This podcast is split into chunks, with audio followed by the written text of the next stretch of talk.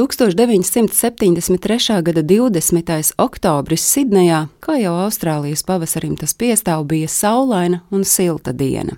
Karaliene Elizabete II ģērbusies tērpā atsaktiem pleciem, baltu bereti galvā teikusi svinīgo uzrunu, ko laiku pa laikam nomāca vēja brīzes ielaušanās mikrofonā.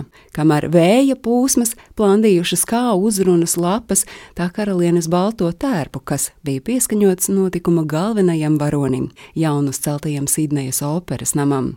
Karalienei sakot Sidnejas opernam atklāšanas ceremonijas runu, ap milzīgo opernam ūdenī peldēja vairāk nekā 2000 kuģu, kamēr gaisā bija Austrālijas jūras flotes helikopteri. Mirklī, kad debesīs pacēlās tūkstošiem krāsainu balonu, viens no pasaules arhitektūras brīnumiem Sidnejas operas nams bija atklāts.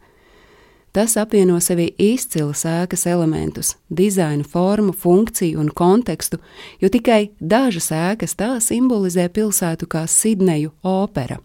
Ēka klāta nelielām glazētām keramikas flīzītēm, kas vestas pāri visai pasaulē no Zviedrijas, un šādu flīzīšu vajadzēja vairāk nekā miljonu. Ēka caurausta ar metāla trosēm, kas satur kopā konstrukciju. Lai arī uzskata, ka Sidnejas operas nama formu iedvesmojušas būras, patiesībā tas esot bijis apelsīns, kas dāņu arhitektu iedvesmoja radīt šo arhitektūras brīnumu. Jērns Udsons savus zīmējumus aizsūtījis pašā pēdējā brīdī, lai gan ideju bija auklējis jau sen, Tālās Austrālijas dizaina konkursu viņš bija pamanījis kādā zviedru arhitektūras izdevumā.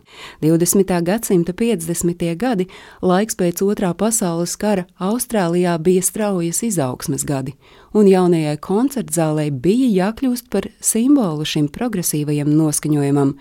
Arhitektiem nācās radīt celtni, kas ietvertu lielo zāli ar 3000 sēdvietām un mazo, kurā ietilptu 1200 skatītāju. Telpām bija jābūt piemērotām plašiem operas uzvedumiem, orķestru un koru koncertiem, arī baleta izrādēm. Konkurss bija milzīgs. Sidnejas jauno operu namu gribēja radīt 233 arhitekti no 28 valstīm. Daudzi no pieteikumiem bija izpildīti tā brīža labākajās modernisma tradīcijās. Tiesa gan, esot atgādinājuši stikla kastes, kamēr Utsona dizains krietni atšķīries. Konkursu žūrijā bija četri profesionāļi, no kuriem gala vārds šķiet piederēja rudītam modernistam Eiro Sārinenam, kurš operas konkursu laikā strādājis pie sava slavenākā projekta - pasažieru termināļa Džona Kenedija lidostā Ņujorkā. Nostāsti vēsta, ka viņš pēdējā brīdī iepazinies ar iesniegtajiem projektiem un uzvarētāja Uconas skices izvilcis no jau atraidīto projektu kaudzes un tā žūrija paziņoja uzvarētāju cerībā, ka šim projektam iespējams kļūt par vienu no pasaules izcilākajām būvēm. Svinīgā ceremonijā 1959. gada 2. martā deva startu ēkas celtniecībai. Bet diez vai kāds iedomājās, ka process būs ilgs un apgrūtinošs, ka to vajās virkne nebūšanu. Vieta, zemesraksts, kas izvēlēts ēkai, nav bijis piemērots slodzei, kāda iecerēta jaunbūvēi ka jumta svars nav bijis līdz galam zināms. Rezultātā pirmais celtniecības posms noslēdzās divus gadus vēlāk nekā plānots. Bija skaidrs, ka operas jumtu nevar izbūvēt tādu, kāds tas bija arhitekta skicēs.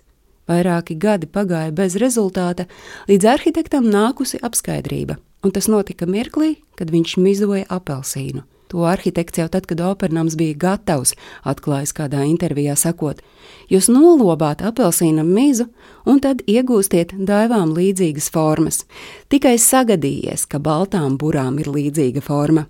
Jāteic, ka Utsons skandālu, konfliktu un naudas trūkuma dēļ darbu pie ēkas nepabeidza. Viņš burtiski aizlaidās no Austrālijas. Darbus pārņēma jaunais un talantīgais Sidnejā skolotājs arhitekts Pīters Hols, tikmēr Jērns Utsons Austrālijā nekad vairs neatgriezās, arī ne uz operas nama atklāšanu.